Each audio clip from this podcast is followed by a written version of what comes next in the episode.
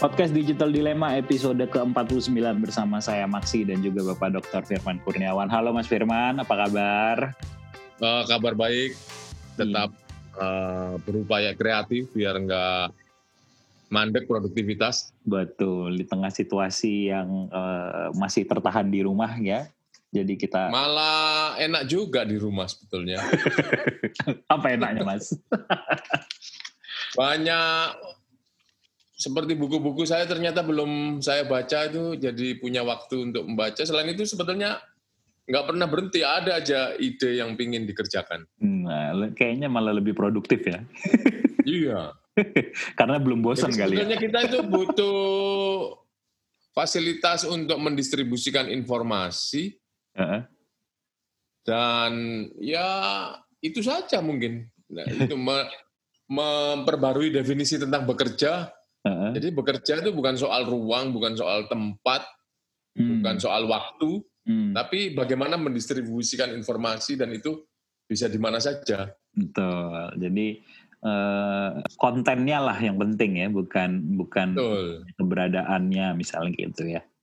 Iya. Nah, berbicara tentang pekerjaan di tengah-tengah uh, apa namanya kondisi pandemi COVID-19 ini, uh, ada satu apa namanya industri yang terdampak cukup uh, sepertinya sih terdampaknya cukup parah mungkin begitu ya. Yaitu cukup telak. Cukup telak yaitu sektor uh, industri pariwisata.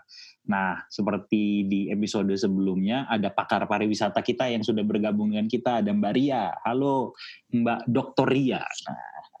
halo Mas Maksi. Halo Mas Firman ya Mbak Ria ini uh, teman-teman dulu kalau lupa uh, bahkan program program doktoralnya mengambil filsafat tapi uh, disertasinya berbicara tentang filosofi pariwisata ya Mbak ya. Iya betul hmm. banget Nah jadi menarik banget nih sebagai beliau juga sebagai pemerhati, pakar dan juga uh, pemeran di dalam industri pariwisata kita pengen kulik-kulik nih gimana sih dampaknya COVID-19 terhadap si uh, industri pariwisata ini gitu. Mungkin Mbak Ria boleh cerita dulu nih Mbak, uh, apa kabar industri pariwisata Indonesia saat ini gitu? Mungkin boleh juga disampaikan ya kalau misalnya kita lihat di berita-berita dan mungkin juga kita tahu banget dengan adanya COVID-19 ini banyak sekali um, kayak lockdown untuk banyak hal, uh, shutdown untuk banyak hal, dan terutama pariwisata juga sekarang juga sudah banyak berapa visa yang tidak dikeluarkan juga dan sudah banyak banget juga bukan hanya pembatasan, tapi benar-benar tidak menerima wisatawan asing dari beberapa negara yang sudah di warning oleh hmm. uh, Kementerian Luar Negeri dan pariwisata sendiri juga akhirnya berdampak sangat luas. Kita bisa bilang sih sebenarnya pariwisata nyaris tumbang. Mungkin ada beberapa hmm. yang uh, akibat corona COVID-19 ini sektor pariwisata nyaris tumbang. Nggak bisa dipungkiri memang dengan adanya ya kita tahu ya perekonomian pariwisata ini kan salah satunya adalah dari yang namanya kedatangan wisatawan. Betul. Berdampak kepada yang namanya multiplier effect, uh, trickle down effect itu banyak sekali dari hal-hal um, wisatawan datang, mereka membeli, membeli kebutuhan uh, untuk akomodasi, uh, F&B, ya segala macam, transportasi dan segala macam. Nanti imbasnya nanti pada kepada uh, bahan baku dan segala macamnya dan otomatis itu sangat luas banget gitu loh Mas Maksi itu itu sih sebenarnya kalau kita bisa bilang hmm. terlihat banget dan jelas banget dari dari mungkin kalau misalnya sebelumnya kita juga udah bicara bahwa dengan ada COVID-19 ini penurunan bisa berapa persen 30 persen di Bali misalnya atau apalagi banyak wisatawan-wisatawan yang memang yang mainstreamnya memang dari uh, asal COVID-19 itu ya hmm. misalnya dari uh, Tiongkok otomatis kan juga banyak sekali berpengaruh. Nah ini akhirnya tanpa disadari dengan semakin berkembangnya virus uh, eh, COVID-19 ini di Indonesia, mau nggak mau ya kita memang juga kita satu sisi bicara ekonomi penting nggak sih? Ekonomi penting, tapi satu sisi kesehatan dan keamanan masyarakat Indonesia lebih penting juga kali ya Mas ya. Hmm, ya ya ya. Jadi uh, kalau dulu kita pernah bahas tentang uh, multidimensi gitu ya. Jadi uh, untuk konteks ini rasanya tidak hanya dimensi ekonomi yang yang uh, apa harus diperhatikan gitu ya. Ada oh, ada dimensi lain gitu ya. Betul. Oke. Kalau dari Mas Firman sendiri melihat uh, apa namanya uh, industri pariwisata ini yang terdampak katanya lumayan nyaris tumbang gitu. Uh, bagaimana landscape uh, apa namanya uh, dari yang Mas Firman lihat bagaimana hal ini sebenarnya bisa di recovery dengan upaya-upaya misalnya komunikasi digital misalnya seperti itu gitu. Ya memang saya melihatnya sih kalau masih berwisata sepertinya tidak punya empati. Hmm. Uh, justru kondisi ini ya kita bilang memaksa kita semua untuk istirahat dan menger, apa dari sesuatu yang sifatnya rutin, hmm. termasuk berwisata ini. Hmm. Jadi mungkin juga ada bagusnya untuk destinasi menjadi lebih sehat, menjadi lebih uh, ekosistem itu bisa memperbaiki dirinya sendiri. Hmm. Uh, itu tadi kalau kita tidak melulu berpikir tentang dimensi ekonomi, kan destinasi itu fungsinya banyak, fungsi sosial, fungsi lingkungan, fungsi ekonomi itu sendiri. Hmm. Nah, kalau kita melihat sekarang kan yang tiarap fungsi ekonominya. Hmm. Nah, tapi fungsi sosial dan fungsi lingkungannya mungkin malah menjadi berkembang lebih baik. Maksudnya adalah tadi dia bisa mereka recovery sendiri ya. kerusakan-kerusakan yang selama ini akibat kunjungan misalnya. Hmm, hmm. Ya kasih waktu untuk bernapas.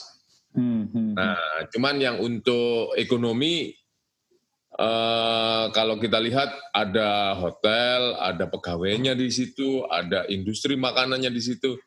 Nah itu yang perlu kita uh, juga perhatikan. Ada sebuah upaya untuk memitigasi itu semua tapi ya lagi-lagi jangan menuntut pemerintah untuk melakukan itu. Hmm. Justru komunitas mungkin yang punya pikiran-pikiran cemerlang sumbangkan bagaimana caranya mengatasi itu. Ya, ya. Menarik tadi tentang poin uh, recovery tadi, uh, uh, Mbak Ria. Uh, si tempat pariwisata itu apakah momen ini memang bisa membuat tempat itu jadi recovery tadi itu, Mbak? Benar banget sih sebenarnya. Jadi thank you banget Mas Firman. Emang betul banget bahwa sekarang ini kalau misalnya kita perhatiin juga Jakarta bumi semakin sehat ya dengan adanya bener loh kalau misalnya kita perhatiin. Iya, uh, udaranya bersih. Iya, udara bersih, bumi semakin sehat dan salah satunya tadi uh, thank you banget Mas Mas Maksi tadi bicara soal uh, multidimensi tidak hanya ekonomi. Betul, Mas Firman juga sangat setuju banget dengan apa yang diutarakan Mas Firman bahwa pariwisata itu ada namanya dimensi sosial, ada dimensi lingkungan, itu yang paling penting. Nah, dimensi sosial sendiri saya setuju banget tuh kalau misalnya Mas Firman bilang karena kadang-kadang ini dengan banyaknya wisatawan ini orang-orang juga kan berpacunya dengan kepentingannya semakin sibuk dengan ngurusin wisatawan apalagi di destinasi-destinasi di hmm. tempat-tempat yang memang wisatawan sudah berjubel banget tuh. Nah, dengan adanya ya mungkin kita bilang basic discuss tapi juga nggak boleh ngomong gitu ya sebenarnya. Tapi intinya hmm. adalah dengan adanya eh, kita cooling down, kalau mungkin calm down, kalau misalnya bisa bicaranya tidak shutdown banget, tapi kita cooling down and calm down, otomatis kan semuanya menjadi tenang, semuanya menata dirinya lagi, kembali kepada sistem berputar seperti pada porosnya, memang harusnya seperti itu. Nah saya nggak tahu juga sih ini Mas Maksi, apakah memang ini kadang eh, kadang-kadang kita berpikir apakah memang ini rencana alam ya untuk bisa hmm. merejuvenating lagi gitu loh. Yeah, yeah. Karena sekarang kita juga bisa bicara nih, sekarang ini dengan kebersamaan semakin banyak, jadi tanpa sadar kebersamaan bersama keluarga, kebersamaan budaya. Kalau kita bicara budaya ini uh, adat ini kan semakin mungkin dengan adanya wabah ini mereka juga saling bersama, saling berdoa bersama segala macam. Jadi ini betapa kita tuh alam itu menjadi sehat. Karena saya percaya banget gitu loh bahwa yang namanya alam ini tidak hanya kita ada alam yang doa atau eh, puja-pujaan kepada alam ini juga membentuk alam itu menjadi sehat, auranya menjadi positif. Nah ini mungkin menjadi salah satu hal yang baik gitu kan. Kalau kita bicara cara lingkungan, ekosistem dan sebagainya. Dan salah satu lagi lingkungan tadi betul sekali Mas Firman. Jumlah kunjungan kadang-kadang carrying capacity kalau kita bicara soal lingkungan lahan dan segala macam rumput-rumput yang bisa diinjek-injek atau tanah yang injek dia bisa bernapas lagi. Otomatis jadi bunga-bunga uh, muncul-muncul kembali. Jadi emang ini saya yakin deh dengan adanya ini nanti sudah selesai semuanya walaupun kita bisa bilang dua bulan tiga bulan atau mungkin kadang-kadang mungkin kita bisa bilang mungkin bersih semuanya bisa enam bulan lebih ya. Hmm. itu kebayang dong dengan enam bulan semuanya bersih tertata semuanya uh, kita mendoakan dan kita juga saling menjaga semuanya tertata rapi. Saya yakin tuh tapi enak banget ya alam ini kayaknya. Jadi wisatawan juga akan semakin dan satu lagi mungkin yang saya juga pengen eh, tekankan wisata juga akan semakin peduli bahwa alam itu yang mesti dijaga. Kita nggak boleh sembarangan dengan alam. Dan hmm. salah satunya dengan menjaga kesehatan kita, kita berarti menjaga bumi. Jadi inilah pariwisata secara multidimensi ya mungkin pada akhirnya kalau kita bicara pariwisata tidak hanya one uh, dimensional tapi multidimensional. Mungkin hmm. itu hmm. sih Mas, ya, Mas ya. Firman, ya. Mas Maksi juga. Nah, tadi Mas Maksi uh, mungkin saya nggak tahu persis seminggu ini kan WHO sudah mengubah social distancing menjadi physical, physical distancing. Yeah. Yes. Nah, jadi memang kita berpisah jarak secara fisik, tapi hmm. secara sosial kita itu bersatu. Betul, betul. Nah, ini termasuk bersatu, saling peduli, nasib teman-teman kita yang menjadi tidak beruntung akibat adanya COVID-19. Tapi hmm. kalau saya percaya sesuatu yang sesuatu itu pasti seimbang ketika di kiri mengalami tekanan, di kanan itu mengalami kekosongan. Nah, itu kita bisa bantu dorong untuk mencapai keseimbangan baru. Hmm. Ada industri-industri yang tertekan tidak bisa bergerak, tapi ada yang tiba-tiba mendapatkan order begitu besar seperti hmm. hand sanitizer, seperti hmm. hazmat dan sebagainya. Ini dapat uh, apa berkah dalam tanda kutip hmm. akibat kebutuhan yang melonjak. Nah hmm. itu kalau hmm. bisa didistribusi kan sebetulnya bisa meminimalisasi dampak ekonomi. Iya betul betul. Um, lalu dari dari peristiwa ini kan sebenarnya um, apa secara industri, secara ekonomi pariwisata ini sangat terpukul ya, Mbak uh, Ria ya. Nah, Betul banget. Um, apakah sebenarnya si pariwisata ini um, apa yang harusnya sebenarnya mereka lakukan gitu pada saat ini gitu? Karena um, karena murni hanya berpatokan pada kedatangan misalnya itu kan. Apakah sebenarnya ada ada revenue stream atau sektor-sektor pendapatan lain yang sebenarnya itu masih bisa dijalankan misalnya seperti itu? sebenarnya masih bisa sih salah satunya pariwisata ini kan banyak banget ya uh, lini-lini di bawahnya. Culinary hmm. menjadi salah satu atraksi wisata juga sebenarnya. Walaupun hmm. kita juga bisa bilang eh, kadang-kadang orang datang untuk mencari makanan lokal. Dan mungkin kalau misalnya kita bilang kalau kita mau ber, berpikir secara digitalisasi saat ini atau kita bilang kita di physical distancing, tapi bukan hmm. berarti kita menjauhkan, tapi bisa mendekatkan dengan adanya era digitalisasi saat ini atau dengan kemudahan teknologi. Hmm. Um, sebenarnya kan banyak juga nih kayak misalnya mungkin kalau waktu di Jogja kita kangen dengan dengan Yujum misalnya. Hmm. Tapi tiba-tiba kalau misalnya kita kepikiran, aduh aku pengen ke Jogja nih, tapi nggak bisa ke Jogja karena kondisi seperti ini, tapi pengen banget makan uh, uh, wisata kuliner, ya hmm. ya mungkin bisa jadi ya tanpa sadar mungkin memang agak sedikit experience-nya agak berbeda ya. Experience-nya hmm. adalah makan di rumah, tinggal non, uh, dengar Katon Bagaskara dengar uh, lagu Jogja, hmm. atau kita lagi nonton film Jogja, hmm. dan kita makan uh, yujum yang kita pesan misalnya, itu bisa-bisa aja sebenarnya. Mungkin salah satu hmm. alternatif jadi sebenarnya wisata ini kan sebenarnya luas banget ya. Wisata ini yeah. sebenarnya kan luas banget. Jadi kalau wisata kalau wisata natural. Iya benar. benar. banget ya kalau ini lah uh, salah satu efek yang namanya kita work from home.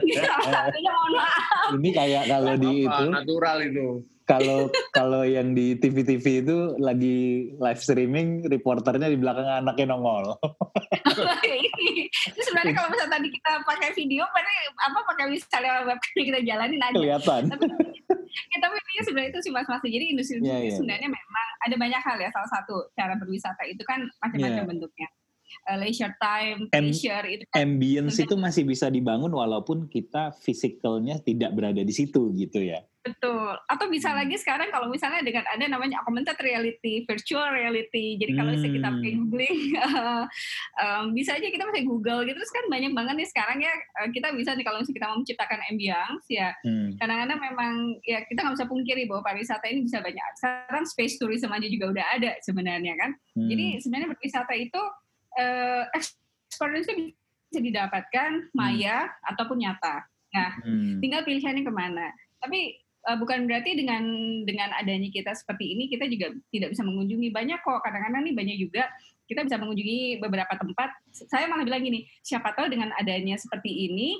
kita udah berpikir untuk liburan ke Bajo misalnya, hmm. atau kita liburan mau ke Momere misalnya, atau mau ke mana, terus kita bisa lebih searching lagi, kita bisa lebih ngulik lagi, dan ambilnya kita udah dapetin itu dari cerita kita baca, dari um, film yang kita lihat atau dari visual yang kita lihat. Dan itu nanti pengejauhan tahan di saat kita datang itu mungkin akan lebih dapat lagi gitu mimpi kita tuh lebih nyata. Karena kalau saya selalu bilang ini hmm. tourism is selling a dream. Nah kita membangun mimpi dulu bisa jadi kan?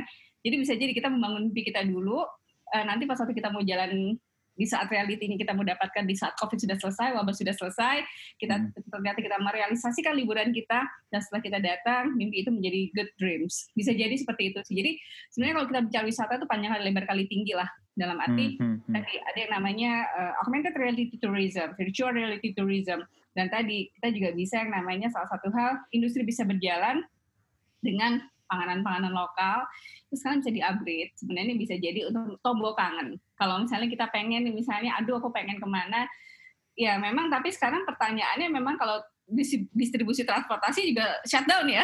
Jadinya ini agak repot. Tapi kalau misalnya masih, masih di area Jakarta, misalnya kalau misalnya kita mau kulineran, biasanya kita kulineran itu di daerah kota misalnya yeah, kan. Yeah, yeah, nah, di sana yeah. tuh masih Mungkin bisa, belum kangen-kangen banget. Masih ya. Kan masih nah, pengumuman resmi 2 Maret, baru heboh seminggu kemudian 9 Maret. Nanti tunggu agak nah, sebulan gitu ya. tanggal 25. Nah, ini Mas, berarti kita tunggu gongnya kali ya, tunggu siapa tahu ada yang tangan gitu kan. Biasanya kan banyak banget nih, ada yeah. ada loh orang yang yang setiap minggu itu harus berwisata kuliner. Aku punya nih temen tuh yang misalnya dia minggu itu bersama keluarga harus berwisata kuliner ke mana, ke mana, ke mana. Jadi hmm. ritual itu mungkin jadi agak dihilangkan dalam arti ke pergi ke sananya. Tapi mungkin makanannya bisa sampai di rumah. Hmm. Ya mungkin jadi kita membangun experience baru dalam berwisata. Yeah, itu yeah. sih. Jadi kita jadi ini bisa jadi paper juga nih kalau misalnya kita experience baru dalam berwisata lu lumayan ya kayaknya ya. Berarti sebenarnya di tengah era digital ini ya Mas ya, era komunikasi digital ini tuh sebenarnya itu bisa dimanfaatkan untuk membangun yang lini-lini baru yang tadi Mas Firman Iya, betul. Bisa jadi yang tertekan. Saya ingat bukunya Philip Kotler itu ada lateral marketing. Hmm. Jadi daripada kita mendatangi sirkus ke lapangan, gimana kalau sirkusnya kita datengin? Ya. Kita bawa pulang. Nah, hmm. Dibawa pulang kan gitu. Hmm. Dulu kita mendatangi opera di sebuah gedung. Hmm. Kemudian kan ada video operanya dibawa ke rumah. Hmm. Nah sekarang bukan hanya dibawa ke rumah, tapi dibawa ke gegem, ke kegaman kita gitu ya. Hmm. Hmm. hmm. Nah tadi wisata kuliner setiap minggu. Sekarang yang dagang yang suruh kita datang setiap hmm. hari ke rumah. Jadi yeah. malah keren kan. Iya iya, ini hanya hanya kreativitas kreativitas pengemasan sebenarnya ya, yang yang betul yang bermain di situ gitu ya. Iya, cara berpikirnya aja dibolak balik. Hmm. Dan ternyata itu akan mendatangkan banyak peluang. Iya. Justru kalau saya punya usul ke kalau ini uh, tadi saya menganjurkan komunitas ya, kalau ini beneran ke pemerintah, ini yang bisa jalan ini kan dengan gagah berani para ojol, mm -mm. Grab, uh, apa namanya, GoFood dan sebagainya. Mm. Nah, mereka ini dulu aja di uh, apa namanya diperiksa positif tidak positif. Yang tidak positif dia menghubungkan menjadi hub mm. antara produsen sayuran, terus produsen sayuran mengirim ke catering-catering untuk dimasak, catering-catering kemudian menjual kepada rumah tangga-rumah tangga, hmm. itu kan jalan semua sebetulnya. Yeah. Dan aman, karena tadi para driver uh, apa ojek online ini sudah di sudah diperiksa pakai test kit dan sebagainya itu. Hmm, hmm, hmm, hmm. benar benar benar. Dan uh, sebenarnya hanya sebenarnya kan ini uh, ke, ke, keterbatasan kondisi fisik itu kan hanya memutus bagaimana barang itu disampaikan sebenarnya kan ya. Betul. Jadi betul. padahal barang itu sebenarnya jangan sampai uh, karena tidak bisa tidak ada jalur distribusinya maka barang tidak bisa sampai ke konsumen. Akhirnya barangnya nggak diproduksi, industri mati gitu kan. Iya. Nah, sementara Dan, iya. Sementara ini bisa diakali sebenarnya kayak gitu ya. Iya, dan hmm. seperti buah-buahan yang sudah ditanam sekitar enam bulan lalu, bulan-bulan ini uh, berbuah dan matang, kan nggak hmm. boleh busuk juga. Hmm. Nah, itu bagaimana menggerakkan yang sudah terlanjur matang, terlanjur Betul. tersedia, Betul. itu bisa terdistribusi. Jadi uh, membangun koneksi, menggerakkan produk tanpa orang banyak yang bergerak. Hmm, termasuk salah satunya produknya adalah produk-produk turunan yang ada di industri pariwisata. Iya betul. Nah MBA apa uh, sorry makanan misalnya atau souvenir nah, atau apa pun ya. itu harus tetap jalan sebenarnya gitu ya.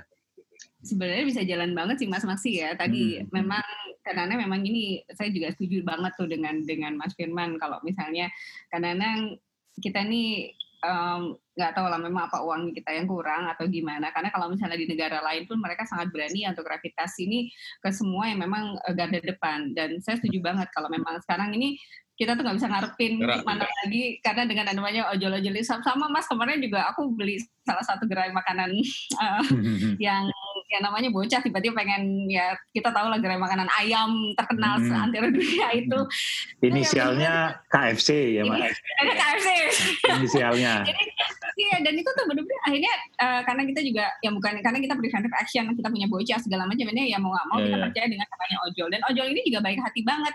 Tiba-tiba bilang kak saya pakai masker. Dan dia menunjukkan dirinya kak saya pakai masker mm -hmm. di sini di hand sanitizer juga saya pakai hand sanitizer. Dan KFC mm -hmm. sendiri juga uh, saya kenapa pesennya KFC bukan yang lain karena ternyata pas waktu saya baca juga berarti KFC ini juga menerapkan uh, distancing jadi physical distancing untuk orang-orang hmm. yang mau beli itu sangat-sangat jadi preventive actionnya bagus banget gitu loh jadi hmm. udah beritanya ada jadi oke okay lah akhirnya beli ke sana dan itu juga jadi benar-benar kita juga ya Bismillah aja percaya percaya dalam yeah, oke okay, yeah. yang penting preventive actionnya sudah dilakukan hmm. dan itu betul uh, saya tuh pahlawan lah buat kita kita ya sekarang yang diharuskan di rumah nggak boleh ke mana-mana apalagi kalau di kompleks sekarang ini saya ini sama mas-mas di kompleks sekarang ini aku tuh kayaknya nggak boleh keluar masuk gitu loh ditanya-tanyain orang masuk nggak boleh gitu loh udah ada edaran gitu kan jadi yeah. ya memang ini salah satunya dengan namanya ojek online tadi uh, untuk bisa memanfaatkan lini-lini uh, dari hmm. turunan sektor pariwisata yang salah satunya adalah kuliner, hmm. handicraft, karena ini apalagi kita mau lebaran ya lebaran puasa hmm. ini kan juga penting nih kayak misalnya kita kan nanti mau jualan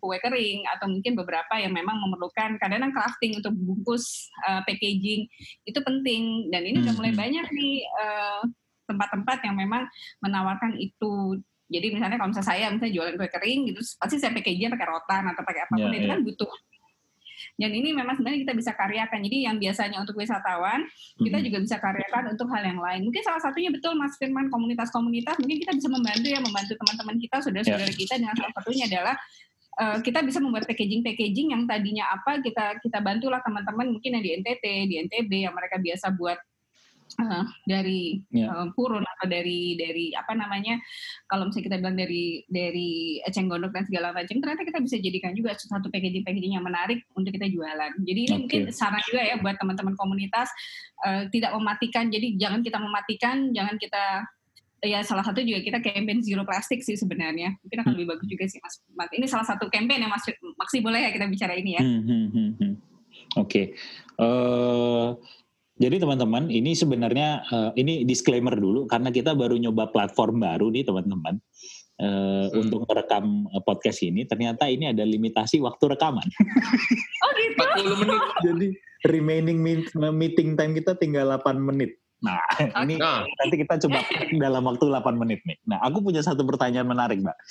Um, Oke. Okay. Apa salah satu fungsi pariwisata ini kan sebenarnya untuk merefresh secara mental kita kan uh, secara kesehatan mental gitu. Nah, gimana di tengah kondisi ini yang kesehatan mental orang juga kadang-kadang uh, mulai terganggu, misalnya seperti itu, uh, bagaimana metode uh, trik untuk misalnya virtual tourism gitu, untuk me, untuk membantu kesehatan mental ini supaya bisa uh, tanda kutip terobati sedikit lah gitu. Apakah virtual tourism atau apa pun itu itu bisa membantu untuk hal itu gitu?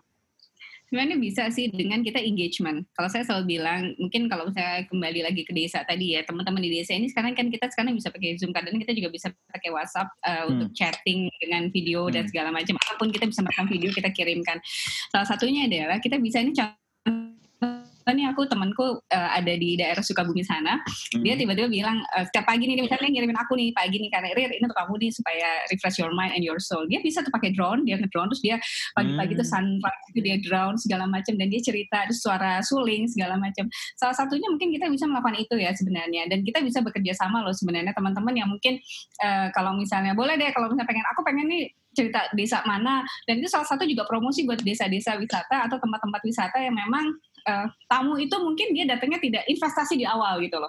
Hmm. Ini bisa kita lakukan sebenarnya Mas Maksi. Jadi Uh, jadi uh, freeze, uh, jadi apa ya karena kan kita kan aduh ketakutan segala macam Jakarta pusing segala macam tapi di saat kita melihat suatu wah gila keren ya melihat tiba-tiba ada yang namanya saya lucu tuh dia ngasih laba-laba yang gede banget tapi laba-laba itu warnanya cantik banget terus hmm. eh di, di zoom di videoin keren banget jadi kadang wah uh, apa ya sesuatu yang belum pernah kita lihat bisa lihat juga hmm. dengan bantuan teman-teman yang ada di desa atau teman-teman yang mungkin di pelosok yang kita tadi physical distancing tidak tidak men, tidak menghalangi untuk kita bisa melihat keindahan Ternate tidak hmm. tidak menghalangi kita melihat sunrise-nya Larantuka yeah, tidak yeah. menghalangi betapa indahnya pantainya Ambon jadi itu Justru bisa sebenarnya bisa dipakai momen untuk investasi ya karena di saat exactly. ini kan di saat ini kan orang-orang itu engage banget dengan uh, handphonenya gitu kan. Traffic. Betul, betul banget. Jadi ini bagaimana promosi itu bisa dilakukan dari sekarang gitu ya. Setuju Mas Maksi, itu benar banget. Ada tanggapan Mas Firman? Ya kita saatnya menggali kreasi-kreasi baru ini. Hmm. Justru hmm. punya kesempatan di tengah ketidakpastian ini hmm. berapa lama? Nah daripada kita frustasi, ya udah mencoba apa yang bisa kita lakukan, apa yang bisa kita perbuat untuk orang lain, ya, ya. kita lakukan saja. Kalau saya seperti itu. Uh, tapi betul ya mas di saat ini tuh orang keterikatannya dengan media sosial tuh sangat tinggi ya. Di, sangat di tinggi. Ini gitu ya. Nah betul terjadi peningkatan luar biasa. Mas Firman boleh kasih tips nih buat teman-teman pariwisata misalnya yang mau promosi itu. Gimana caranya investasi dari sekarang supaya orang bisa semangat, eh, tertarik untuk ke sana gitu misalnya? Hmm, saya tidak secara expert ya memperhatikan hmm. strategi pemasaran pariwisata hmm. dan sebagainya. Tapi mungkin ya itu uh, kalau menurut saya sektor pariwisata sekarang turut berempati uh, dalam pengertian uh, apa namanya menyampaikan pesan-pesan ya sudah istirahat dulu di rumah saatnya bumi atau destinasi wisata ini bernapas istirahat. sementara istirahat. Nah nanti setelah ini semua lewat uh, kita akan menikmati destinasi wisata yang lebih baik gitu ya. lebih segar lebih, lebih fresh ya, ya. lebih indah. Itu mungkin Ya intinya konten yang harus di uh, apa dikemas dengan baik juga gitu ya. Iya, kalau saya melihat sih bisa jadi wabah ini kan sebetulnya kita sudah diperingatkan untuk istirahat, istirahat, istirahat, tetapi terus saja dipacu, tidak diperdulikan, akhirnya dipaksa untuk istirahat. Hmm. Nah, memang ada dampak-dampak ekonomi, sosial, dan lingkungan yang tidak terduga. Nah, mungkin kita konsentrasi untuk memperbaiki itu sementara. Iya betul, betul sekali sih. Ini karena teman-teman waktu kita tinggal 4 menit. ini kayak di warnet ya, ada waktunya gitu. Jadi aku mungkin mau minta closing statement nih dari Maria dulu nih. Oke, okay, um, dengan adanya wabah COVID-19 ini bukan berarti kita menutup diri, bukan berarti kita juga tidak bisa berbuat banyak. Berbuat banyak banyak bisa dilakukan dari diri sendiri dulu, memulai hidup sehat, hidup bersih, dan salah satunya adalah berkreasi seperti yang Mas Firman sampaikan tadi. Dan satu lagi, jaga bumi lebih bersih, jaga hati lebih bersih, dan hmm. pasti jaga alam menjadi lebih baik dan lebih murni. Terima kasih. Dari Mas Firman. Ya inilah saatnya untuk bertindak, berpikir yang belum pernah kita pikirkan. Jadi hmm. sesuatu yang baru tapi bermanfaat, mungkin saatnya kita coba. Padahal ini Saya bukan itu. bukan barang baru ya mas sebenarnya ya. Bukan barang baru. Cuma nggak pernah dipakai Berapa aja. Berapa kali kita mengalami krisis. tapi yang ya. krisis yang sampai diharap seluruh iya, iya. dunia iya. ya baru kali ini. Iya. Padahal nggak maksudnya teknologi kayak work from home, remote meeting, apa segala macam ini kan udah ada dari sana nggak pernah kita pakai gitu ya sekarang. Nah ini kan saatnya kita saatnya pakai. iya benar-benar. Sebetulnya kalau saya melihat kalau kelompok senior itu kan uh -uh. memang sudah nggak senang keluar rumah. Uh -uh. Kemudian generasi milenial, gen alpha dan sebagainya itu generasi rebahan. Iya. Jadi sebetulnya nggak terlalu masalah dengan work from home dan sebagainya. Harusnya malah seneng gitu ya. Nah itu dia. Jadi sebetulnya ribut nih siapa gitu. Iya, nah loh timbul pertanyaan.